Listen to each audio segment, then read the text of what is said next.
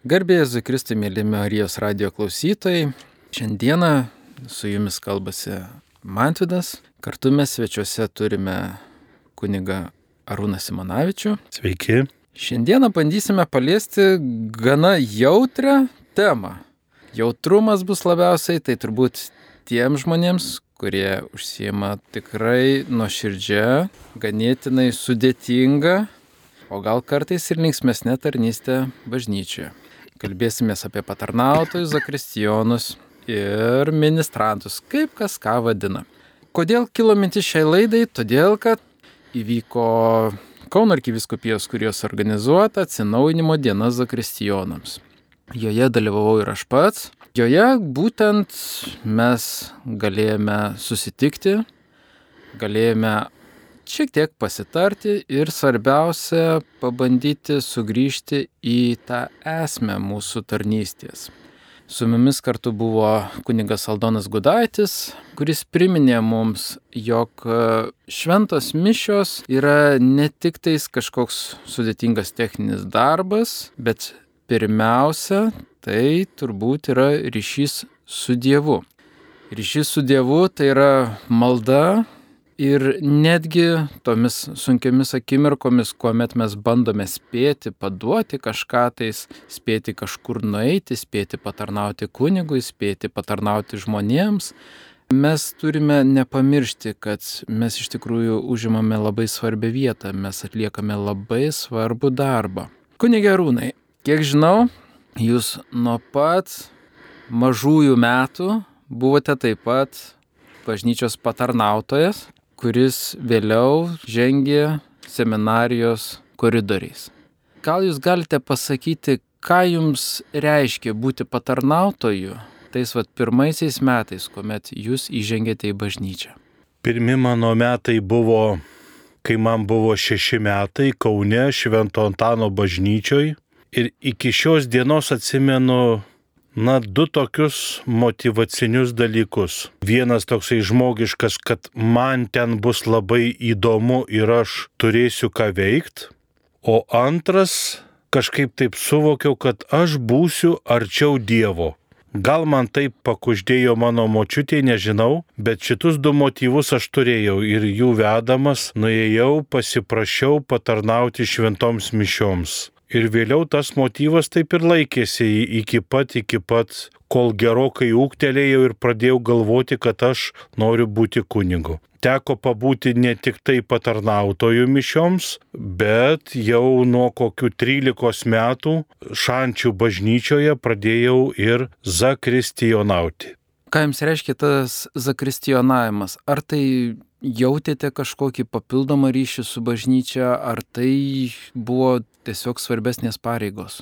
Aš pradėjau jaustis labiau reikalingas, daugiau galintis bažnyčioje padaryti jaučiausi reikšmingas, kad aš toksai jaunikaitis galiu vat, atlikti Zakrastijono pareigas, kad aš galiu save išreikšti, kad aš galiu, na, būti toksai jau ne jaunikaitis, o vyrukas, kuris bažnyčioje, ne bet kur, dar tada bažnyčia tai buvo labai svarbi vieta žmonėms, kad aš bažnyčioje galiu būti toksai visai pripažintas žmogus, čia psichologiškai taip žvelgiant. Aš atsimenu, kuomet aš tapau zakristijonu, tai aš jau buvau brandus vyras ir iš tikrųjų turbūt į tą zakrisionavimą buvo mano ilgas kelias. Aš, būdamas vaikas, dar norėjau būti bent jau tuo pačiu mažiausiu patarnautoju, kuris eina, kad ir procesijos ar tai gale, ar tai ten kažkur sėdi viso labo vieną kartą varpelius skambindamas, o gal tiesiog um, dėl žmonių masės, dėl patarnautojų masės esantis presbiterijoje. Tačiau aš atsimnu, kuomet tai buvo maždaug apie 1990-uosius, matydavau labai daug vaikų patarnaujančių ir man kažkodėl atrodė, kad man ten nėra vietos kuo aš galiu būti toks išskirtinis, kad galėčiau užimti tokią vietą. Nes visada buvimas presbiterijoje prie kunigų, prie viskupų, prie altoriaus man buvo kažkokia tai nepasiekiama didybė, kažkoks didingumas, iki kurio reikia eiti labai ilgus metus. Ir štai man praėjus 30 metų, jau, jau brandžiam esant, pavyko tapti zakristijonu.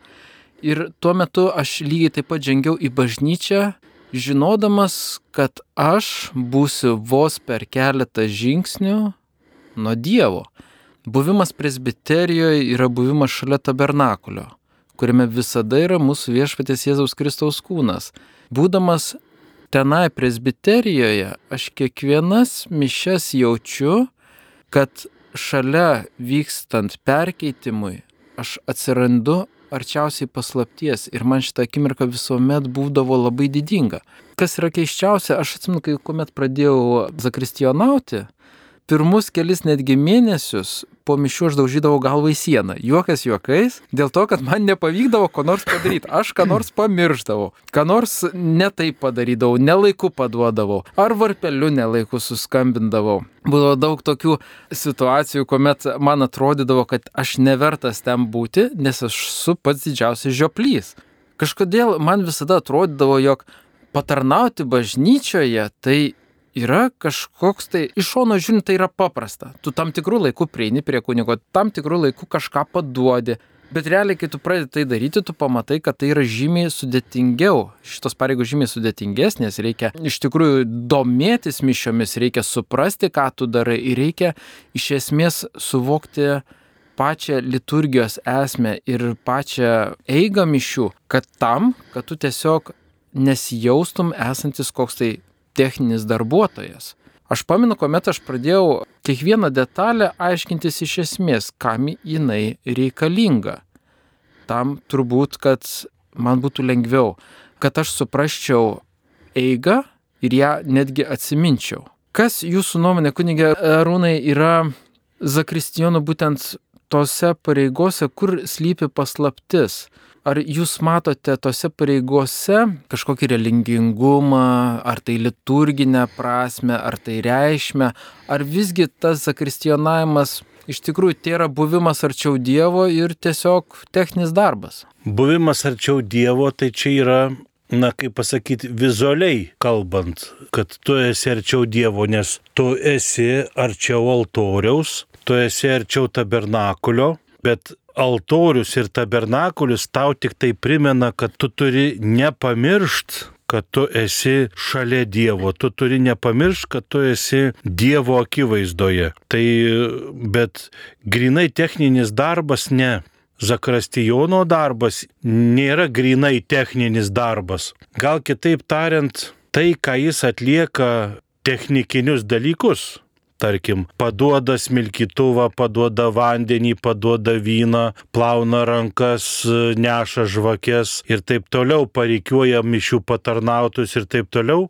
Tas visas, ką mes vadiname technikinis darbas, tai yra Zakrastijono malda mišiose. Tie visi jo veiksmai tai yra Zakrastijono malda. Zakrastijono, taip vadinkime, Zakrastijono apėgos. Kunigas atlieka va vienas apeigas, žmonės atlieka kitas apeigas, Zakrastijonas atlieka kitas apeigas ir jos visos tarp savęs dera, visos apeigos viena kita papildo. Kunigo žmonių, Zakrastijono apeigos, viskas vienas kitą papildo. Yra nelaimė, jeigu Zakrastijonas, o žinoma nelaimė, jeigu ir kunigas arba žmonės pradeda į viską žiūrėti kaip į technikinį to technikiškumo neišvengs, žinoma, jisai turi būti, jį reikia išmanyti, jį reikia mokėti, bet jisai turi būti atliekamas su apieigos prasmės apmąstymu ir tada atliekant patį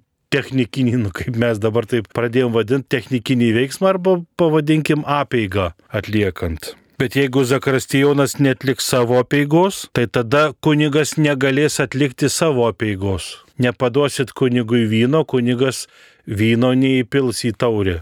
Na taip, mes juokiamės, kad čia techninė dalis, iš esmės nu, tai yra fiziniai veiksmai, bet kuriuo atveju kaip ir liturginė dalis, bet vis tiek dažniausiai būna darbo.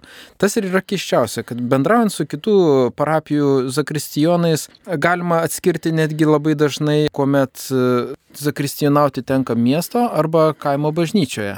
Iš tikrųjų, kaimo bažnyčioje, kuomet personalo aptarnaujančio, būtent ir tarnaujančio būna mažiau, jo yra trūkumas, tai zakristijonui tenka būti turbūt kai kuriuose netgi mišiuose atlikti labai daug vaidmenų. Tai žinoma, turi pasirūpinti bendrai tais pačiais, sakykime, tais techniniais dalykais, vyno padavimais, vandens padavimais, rankų nuplovimu, žvakių uždegimu, bet tuo pačiu turi pasirūpinti ir žmonių prieimimu, kartais e, turi ir atsakinėti už žmonės, ypač šiuolaikinėse mišiuose, kuomet tikinčiųjų tikrai yra sumažėję, labai dažnai susirenka į mišes iš tikrųjų jau mažai tikinti žmonės, jau nelabai žinantis mišių tvarkos. Daugelis jų kalba, kad iš vis tokios tvarkos jau ir nebūtina žinoti, kad Dievas juos supranta, girdi, todėl kuomet yra konkreti struktūra mišių, tenka pačiam zakristijonui atlikti kai kurias vietas, kai kurias maldas, kai kurias galbūt netgi gesmes, jeigu yra gėdantis zakristijonas, už pačius maldininkus.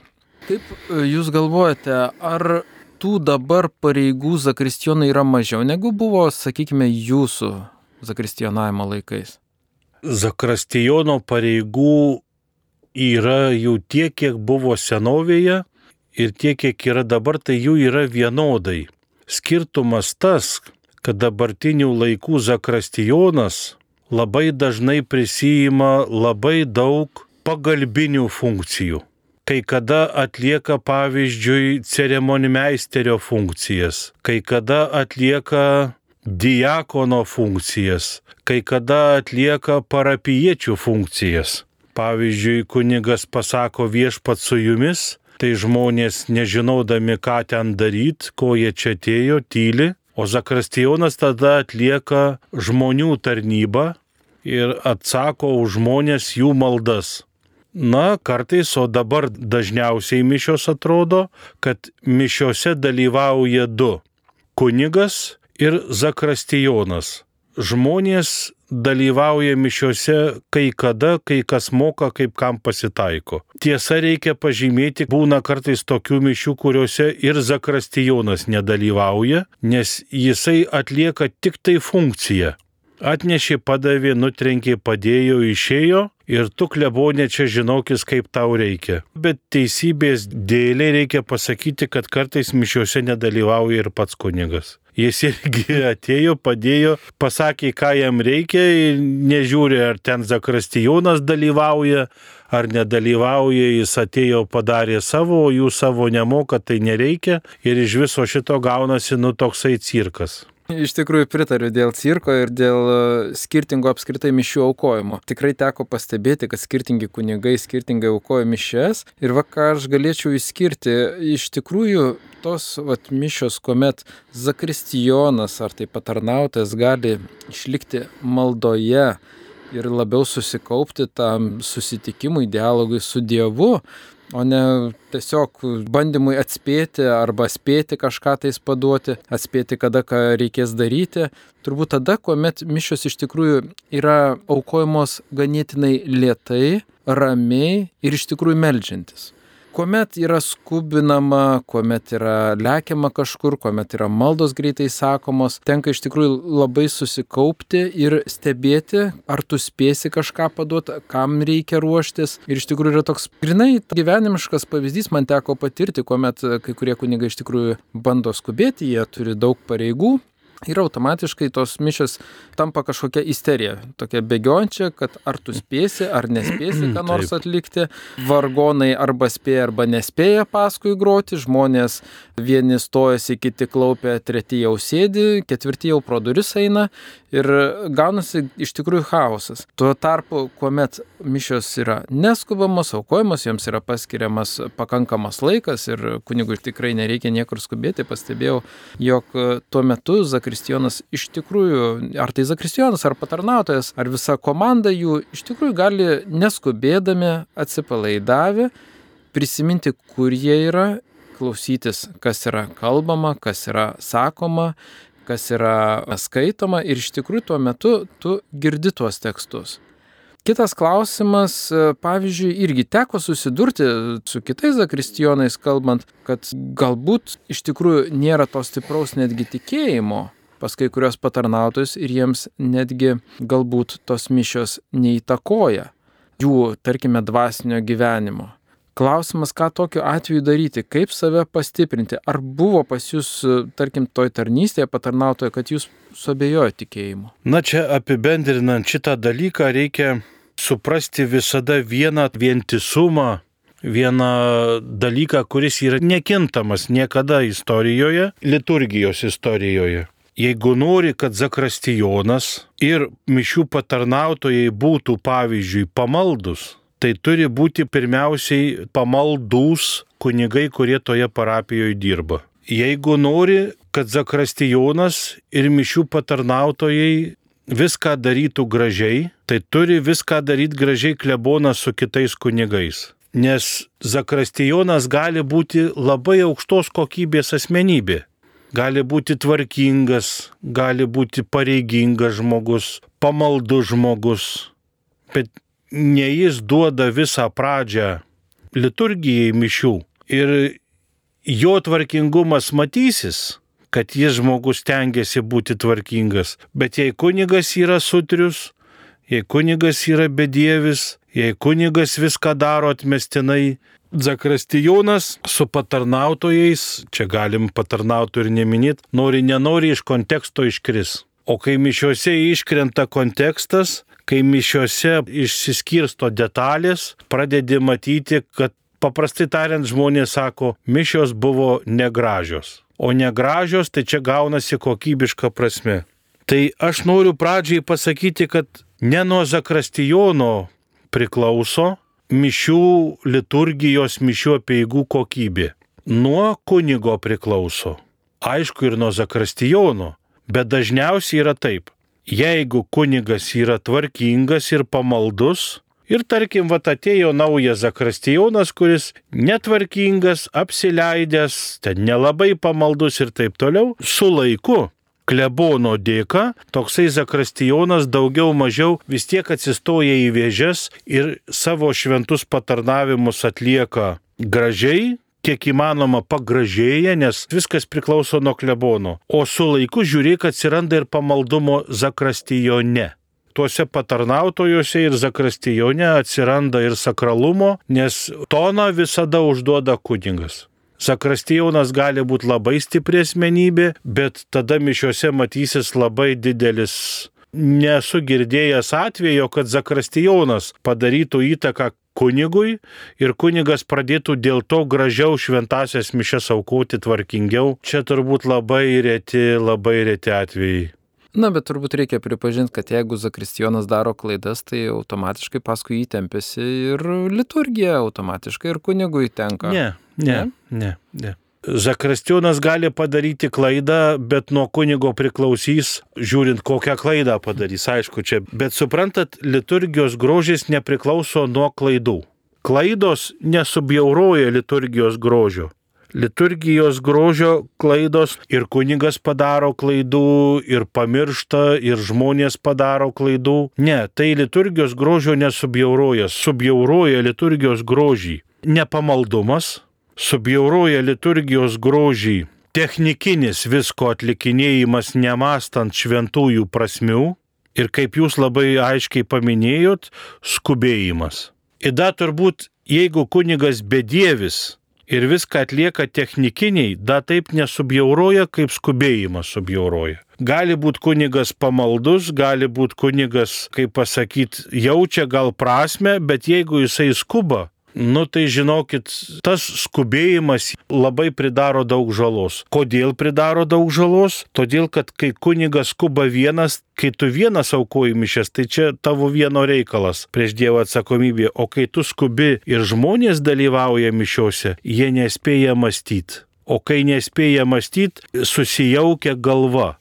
Ir kai susijaukia galva, tada tu daryk, ką nori, viskas būna negražu, nes nesusigaudai, kas vyksta chaosas, o ne kosmosas pasidaro.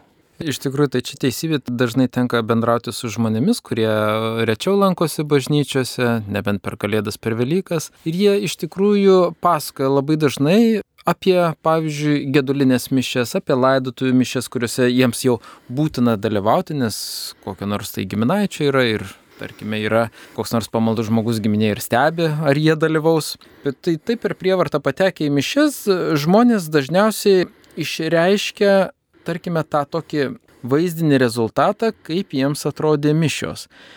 Tas įdomiausia, kad čia veikia panašiai kaip prekybinis principas. Sako, jeigu tu parduosi gerą prekę, Nu tai apie tave tas žmogus, kuriam tu pardavėjai, papasakos dar vienam žmogui. Nu bet jeigu tu parduosi blogą prekę, tai dešimčiai papasakos. Tai aš pastebėjau, kad principas yra panašus. Jeigu mišios būna tinkamos, gražios, ramios, dažniausiai žmonės pasako, ai, viskas gerai buvo, gražu buvo, trumpai. O kas buvo, ką, nieko jie neatsimena. Bet Jeigu, pavyzdžiui, kas nors būna negerai, jie mielai papasakoja vos ne visą mišių eigą, vos net sekundės tikslumu. Bet aš pastebėjau, kad dažniausiai yra minimas faktas, kad ai, kunigas skubėjo, lėkė, pavėlavo, trenkė viską ir išėjo, ir ten mes net nesupratom, ar mes jau laisvi ar nelaisvi Taip. ir panašiai. Tai yra dažniausiai pasakomi faktai. Ir iš tikrųjų aš dažnai galvoju, kad mes netgi, vat, kas patarnaujam, kas esam zakristijonai, būtent pradėję savo tarnybą, turėtumėm bent akimirkai tapti tais pačiais žmonėmis, kad galėtume atsistoti gale bažnyčios, pabūti tuo nepamaldžiuoju mišių dalyviu ir iš tikrųjų pažiūrėti, kaip atrodo vaizdas priekyje. Iš tikrųjų labai puikus savikontrolės ir savikritikos taškas yra būtent savęs stebėjimas iš šalies. Kai savęs negali, tuomet yra geriausia stebėti kitus. Kaip be būtų gaila, bet kritikuoti visada yra lengviausia kitus. Ir iš tikrųjų aš būtent pradėjęs zakristijonauti, žinoma, eidavau ir į kitas mišes, kuriuose buvau tik tai maldininkas, bet kuriuo atveju. Ir pasitaikė proga stebėti priekį. Aš kaip visada juokauju, kad žmonės, kurie stovi gale bažnyčios, jie ne tik gerai mato priekį, bet ir patys yra gerai matomi iš priekio. Nes tiesiog yra lengviau žiūrėti į tolį, kadangi nepalaikai artimo fizinio akių kontakto, tai yra psichologiškai netgi lengviau, todėl visada stebisi geriau kas nors esantis toli negu arti. Todėl presbiterija ir kunigas su patarnautais idealiai matosi. Ir šioje vietoje, bet kuriuo atveju, suprantama, kunigas turi daugiausiai darbo presbiterijoje. Daugiausiai pareigų jis daugiausiai atlieka veiksmo, tai yra aukos liturgija, evangelijos skaitimas, gal netgi kartais, jeigu nėra tinkamo skaitovo ir likusio Dievo žodžio dalių skaitimas, kunigas visą laiką užsiemęs. Tuo tarpu jo pamokslo metu patarnautojai ir zakristijonai dažniausiai sėdi ir laukia pabaigos. Štai čia būna ko gero įdomiausia vieta, kuomet pasižiūri, kaip yra klausomasi Dievo žodžio. Ir dažnai ne Dievo kunigo, žinoma, veikiančio apie per šventąją dvasę. Ir kai mes dažnai kalbame, kad maldininkai bjaurybės neklauso pamokslų žiovojo kalbasi, labai dažnai reikia susimastyti, ar patarnautai nesielgia taip pat iš tikrųjų nekartą matęs, kuomet yra žiovaujama, kuomet yra kalbamasi, kuomet e, dar kas nors yra daroma fiziškai, ar ten koks batas pasivalomas, ar dar kas nors. Nors realiai, būdamas presbiterijoje, tu esi kaip televizoriuje tu idealiai matomas. Tuo labiau žmonėms atsibosta žiūrėti į kalbantį kunigą, jie bet kuriuo atveju pradeda sukinėti akis ir bet kuriuo atveju pamato ir patarnautojų su Zakristijonu. Štai šioje vietoje aš pažvelgęs iš šono į kitus, aš supratau, kad aš iš esmės esu pamaldaus žmogaus pavyzdys. Ir kad tai, ką darau presbiterijoje, turi būti pavyzdžių ir kitiems maldininkams. Aš negaliu turbūt žiovauti, taip duodamas pavyzdį, tuo labiau pretekstą, kad ir apkalbėjimams, dėmesio žmonių patraukimui, arba tiesiog kitaip rodyti savo abejingumą toms mišioms, prie kurių aš turiu galimybę prisiliesti. Jeigu aš ir prieš tai minėjau, kad tai yra labai didinga būti taip arti to didžiojo stebuklo, aišku, negalima taip mistifikuoti aukos liturgijos, tačiau bet kuriuo atveju mes jau esame arčiau Dievo, mes tengiamės dėl jo, mes savo laiką skiriame būtent Dievo garbinimui. Ir štai tada klausimas, ar mes galime save taip kritikuoti kitų akivaizdoje, ar mes galime rodyti blogą pavyzdį. Na, jeigu gerai suprantu, ko klausėte, tai man atrodo, kad homilijos e, atveju Zakrastijonas ir patarnautojai negali išvengti to, ko neišvengia ir kiti žmonės. Paprasčiau tariant, jeigu kunigas sako nepasiruošęs homiliją, jeigu homilija yra 5 km ilgio. Plus tokie pateisinantys dalykai, tarkim, žmogui gal nemiga buvo. Nu, kalbam apie Zakrastionus, tai tai tarkim, Zakrastionas nemiegojo ilgai, labai gal blogai miegojo, gal sveikata prasta ir taip toliau. Ir jisai dėl to žiovauja, e, jisai dėl to snuduriuoja, jam dėl to labai sunku susikaupti, sunku ramiai sėdėti. Tai čia galima išspręsti, reikia žiūrėti, kaip susidėlio dienotvarkę šeštadienį, bet aš čia Zakrastijono ir patarnautojų nebūčiau linkęs labai daug kaltinti ir sakyti, kad vai pasitemkit. Per homiliją yra nori, nenori, netaip lengva pasitemti. Reikia mokėti ir pratimukų sėdėjimo, pasitempus nugarą sėdėti reikia mokėti, reikia mokėti susikaupti, reikia prieš mišes būti susikaupus, o čia susikaupti nelabai išeina, nes dar reikia visur dairytis, žiūrėti, kad patarnautojai viską padarytų, kad tu viską pasiruošti. Ta prasme, čia yra žmogiškas dalykas, homilijos atveju paprastai yra taip. Jeigu homilyje gera, tai nebent Zakrastijonas ir patarnautojai būna labai pavargę. Nu nebent. Tai tada sunkiai atlaiko, bet jeigu homilyje gera, dėmesį išlaiko visi. Ir žmonės, ir patarnautojai. Čia jau Zakrastijonui manyčiau, kad nėra reikalo priekaištauti. Čia jau priekaištai yra kunigo arba kunigo nepasiruošimui, arba tiesiog nepriekaištai, bet tiesiog gal kunigas nemoka taip gerai pasakyti homilijos kad žmonėms būtų nenobodu. Bet patarnautojų jau čia neskubinčiau kaltinti. Jo labiau, jeigu turite omeny patarnautojus, tai jiem iš vis ten susikaupti yra vos nesizifo darbas. Suprantama, bet kažkaip tai turbūt reikia tada rasti jėgų ir tada galbūt e, jėgų rasti maldai ar ne. E, kaip jūs galvojate, kaip galima, tarkime, Zakristijonui, gal jums, taip buvo pasitaikę, kur jūs galėdavote rasti maldingumą mišių metu? Ar maldą ryšį tą su Dievu, gal kažkokia vieta būdavo? Maldingumą mišių metu aš pradėjau rasti tik tai tada, kai man kunigai, tada dar buvau vaikas, bet kai man kunigai pradėjo aiškinti apieigų prasme. Ir aš atsimenu, kaip pavyzdžiui, vat, vienas iš tokių pirmų mano vaikystės man pamokymų buvo per pakilėjimą, kai kunigas kelia ostiją ir kai kelia taurę, tu, sako rūnai, prašyk dievulį ką nors. Ką tu nori dievuliui paprašyti dievulį, tai sako per pakilėjimą prašyk. Tai vad, pavyzdžiui, jau atsirado maldingumas per mišes. Paskui maldingumas į mišes atėjo mano toks, kad aš pradėjau suprasti, pavyzdžiui, ką reiškia smilkimas. Smilkytuvas tai yra mano širdis, žarijos tai yra mano meilė Dievui, o smilkalai yra mano maldos. Ir kai kunigas smilko altorių ar smilko švenčiausiai per mišes, tada aš Dievą garbinu, tada aš Dievui sakau tai, ką aš noriu pasakyti. Ir visada atsimenu, man labai patikdavo nešti smilkytuvą, smilkyt. Aš įsivaizduodavau, kad ir mano širdis taip siubuoja, kad ir mano širdis į Dievą kelia maldas, taip kaip smilkalų dūmai. Tai va tokie po truputį, po truputį seminarijų atsirado daugiau ir paskui, kai domėjausi liturgiją, bet norint išmokti pamaldumo per mišes, paprastai tariant, reikia išmanyti apeigas, jų reikšmę ir jų atsiradimo istoriją.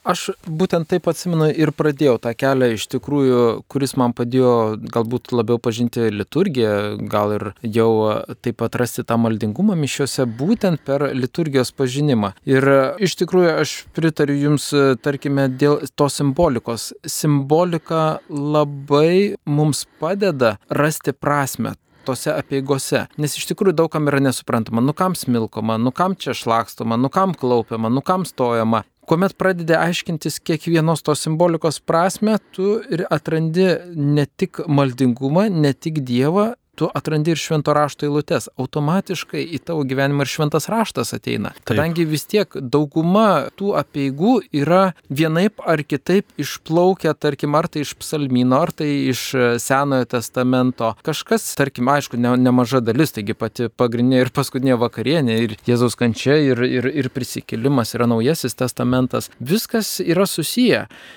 tuo metu, kai tu atrandi prasme, atrandi to tokį eiliškumą, tai pradeda traukti, tai tave pradeda dominti, tu pradedi jau pagauti tą tokią liniją, tiesią liniją link Dievo, tai pradeda tave kažkaip tais pririšti prie šventų mišių.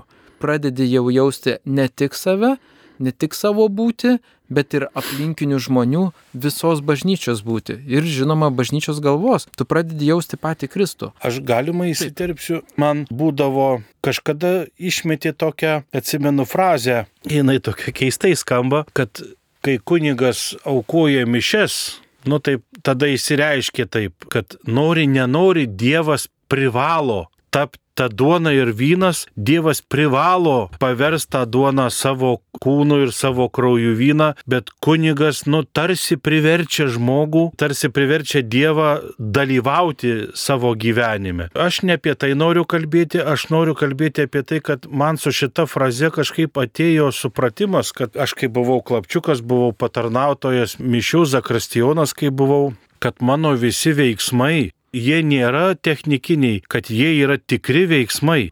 Aš atsimenu, man kunigas vieną kartą, kunigas Aleksandras Ramanauskas išaiškino, sako, rūnai, tu mišiuose ne man plauni rankas, tu plauni Jėzui rankas. Kada tu ne man vyną paduodi, tu paduodi Jėzui. Aš tada supratau, kad tai, ką aš vaikas arba jau Zakrastijonas vėliau atlieku, tai nėra žaidimai nors liturgija yra laikoma žaidimu, tam tikrą prasme taip ir yra, bet kad tai yra veiksmai, kurie yra tikri, kuriuos tuos veiksmus aš atlieku kartu su Dievu. Ir man tai būdavo įspūdis, žmonės labai neteisingai supranta žodį simbolika. Nes jie įsivaizduoja, kad simbolika tai yra maždaug taip, simboliškai kažką padariau. Tai padariau kažkokį netikrą daiktą, kuris žymi, nu kažką. Ne simbolika tai yra, kai aš gyvai užmesgu santyki. Ir jeigu aš atnešiau kažką, ten pavyzdžiui, žmogui palaikiau lėkštutę per šventą komuniją, tai čia nėra taip, kad veiksmas šiaip aš atlieku meilės patarnavimą, myliu savo artimą žmogų ir myliu Dievą, kad jis nenukristų ant žemės, bet kad jisai būtų, jeigu jisai iškris kunigų iš rankų, kad jis pagarbiai ir tvarkingai. Tai aš supratau, kad viskas turi savo prasme ir kad aš apieigose esu ne tam tikras kažkoks tai na, technikinis simbolinis žaidėjas, bet aš esu gyvas dalyvautojas visame tame veiksme, kad aš jame gyvai dalyvauju, kad aš duodu Jėzui, aš duodu žmogui, aš bendrauju su Jėzum, bendrauju su žmogum. Ir be manęs, mano vieta tai yra svarbi, be manęs jiem būtų labai sunku. Aš kaip tik atsiminiau, kuomet būtent didį šeštadienį prieš pat Velyknakčio mišes, prieš Vigilijų motiną tikrąją, organizavau patarnautojų kursą. Tuo metu susirinkę 11 berots vaikų pas mane iš tikrųjų atrodė labai taip įdomiai. Iš pačio ryto jie buvo padykę, jiems niekas kaip ir ne, jie atėjo kaip į kažkokią atrakciją, kur gali būti nuobodu. Toks vaizdas lyg tėveliai juos išmetė kaip balastą, kad netrukdytų ruoštis puotai, taip sakant, Velykiniai. Ir buvo labai įdomu, kuomet aš pradėjau iš tikrųjų tiems vaikams pasakoti, kas ką reiškia. Ir kai jie su kiekviena naujiena tilo, tilo, ramėjo, ramėjo ir klausėsi net įsižioja. Ir va dabar, kaip minėjote, būtent dėl lėkštelės, dėl patenos laikymo, visiems labai parūpo tas faktas, kuomet aš jiems paaiškinu, sakau, įsivaizduokit, jūsų tą pateną saugot, kad mūsų viešpaties kūnas nenukristų ant žemės. Pabandykite įsivaizduoti, jeigu jūs nukristumėte ant žemės. Pabandykite įsivaizduoti, jeigu aš jūs pakelčiau ir nepagarbiai meščiau ant žemės. Ir jie visiškai kitaip pradėjo žiūrėti į tai. Jie pradėjo suprasti tos lėkštelės, tos patenos prasme. Nes taip tai visiems atrodo, kad tai kažkoks aksesuaras, kur tiesiog vat, pas, pas makro pakiši, dar gali padaužyti kokiam ten nors draugui ar draugiai su patena per kaklą. Bet iš tikrųjų tai yra labai didelė simbolinė reikšmė. Bravo paaiškinimas. Ir labai aš džiaugiausi, kuomet iš tikrųjų paskui, kuomet vyko jau Velyknakčio mišios, kuomet jie iš tikrųjų dar drausmingiau, su dar didesnė nuotaika, su euforija dalyvavo tose šventosiuose mišiuose. Aš galvoju, bus košmaras, laukia tiek daug skaitinių ir jiems reikės sėdėti. Tai faktiškai necyptelėjimo nebuvo, gal buvo pora tokių vaikų, kurie buvo aktyvesni, žinoma, visų nenutildysi, tačiau palyginus tai, kas vyksta per mišes, tai buvo, nu, tiesiog sunku apsakyti, koks džiaugsmas, kai jie suprato tai. Ir aš atsimenu, kad pati pirmoji pamoka, kuri buvo Tai jinai prasidėjo pas mus laukia prieš įžengiant į šventorių ir dar lipant laiptais į šventorių, o paskui bažnyčiai ir aš sakiau, nepamirškite, kad kiekvienas laiptukas, tai reiškia jūsų kilimą į viršų, su kiekvienu laiptuku, su kiekviena jūsų pastanga, su kiekvienu žingsniu jūs esate aukščiau, arčiau Dievo ir jau tai, kad jūs įžengėte į bažnyčią per tuos visus laiptus, reiškia, kad jūs jau esate pakilėti pakankamai daug. Vadinasi, jūs jau nesate niekas, jūs turite ir toliau stengtis dėl to kelio, kurį pradėjote. Vaikams labai patiko pavyzdys, kuomet aš atėjau, sakau, žiūrėkit, bažnyčia, matote bažnyčią, matote kokie aukšti bokštai. Nu, sako, taip, aukšti. Sakau, įsivaizduokite, kad vat, bažnyčia jums padeda kilti link Dievo, tie bokštai simbolizuoja jums kilimą link Dievo. Sakau, atrodo aukšta bažnyčia, taip? Sakau, o dabar prieikite prie paties o, bokšto, prie pat bokšto ir tada pakelkite galvą, pažiūrėkite, kaip aukštai pasidaro tas bokštas, koks jis pasirodo aukštas, kai tu stovi prie pat jo. Kai tu galvoji, kad čia yra, atrodo, tik tai trys žingsniai iki Dievo, iš tikrųjų tų žingsnių yra žymiai daugiau. Bet tam reikia mūsų didelių pastangų. Ir tos pastangos nėra tiesiog lėkštelės laikymas. Tai yra suvokimas, ką darai ir suvokimas, kad mes iš tikrųjų bažnyčioje jeigu jau įžengėme į bažnyčią, mes esame ne dėl savęs, ne dėl tų maldininkų, mes esame dėl Dievo. Argi ne? Mes dabar kalbame su jumis apie tai, kad Zakristijonas atlieka tarnybą pastoraciją su pat, mišių patarnautojais. Per tai, ką vat, jūs sakot, ką jisai kalba savo patarnautojams, Zakristijonas atlieka katecheto funkciją, grubiai tariau, atsiprašau, savo patarnautojams jis yra katechetas. Dar žinokit, Zakrastijonas yra savo patarnautojams ir antrasis tėti. Aš kalbu remdamasi savo vaikystės patirtimi, kada gerąją, kai kada blogąją. Bet nori, nenori, Zakrastijonas mišių patarnautojams yra antrasis tėti. Ir kartais šitas antrasis tėti bent jau, pavyzdžiui, aš atsimenu mane, išmokino tokių elementarių, netgi būtinių dalykų, etiketo dalykų mokė, tokių, kokių mano tikrasis tėtė nemokėjo, neišmanė, nežinojo, negalėjo pasakyti, net nesuprato, kad tai būna gyvenime. Bet netgi hygienos klausimais, nenoriu leistis į smulkmenas, bet netgi hygienos klausimais mus pamokė Zakrastijonas tokių dalykų, aš galvoju, kaip dabar vad kartais pagalvoju, jeigu ne jis, tai kažin kada aš būčiau išmokęs tokių dalykų. Hygienos klausimais, eiliniais hygienos klausimais. Tai žinokit, Zakrastijono dalykas, Zakrastijonas kartais savo mišių patarnautojus išmokina labai daug netikėtų dalykų ir kartais būna tėte. Aš kaip vaikas patyriau iš Zakrastijonų to tėviškumo ir paskui, kai aš buvau Zakrastijonu arba kunigu iš mišių patarnautojų, patyriau, kad jie mane laiko irgi savo antru tėte. Tai tas yra Zakrastijonas iš to turėtų, manau, kad išgyventi, na, jeigu jis yra jautrus žmogus, tai jis išgyvena labai labai daug džiaugsmo, pasididžiavimo, pasidžiaugimo, kad jisai kažkam be savo vaikų, jis dar kažkam yra tėti. Na ir zakristijonai dažnai būna tokie gyvenimo mokytojai, kurie irgi pamokina, nes natūralu tu susitinki tai ir pamokina. Tai kągi galėtumėm palinkėti zakristijonams? Būt gerais tėtėmis? Ne.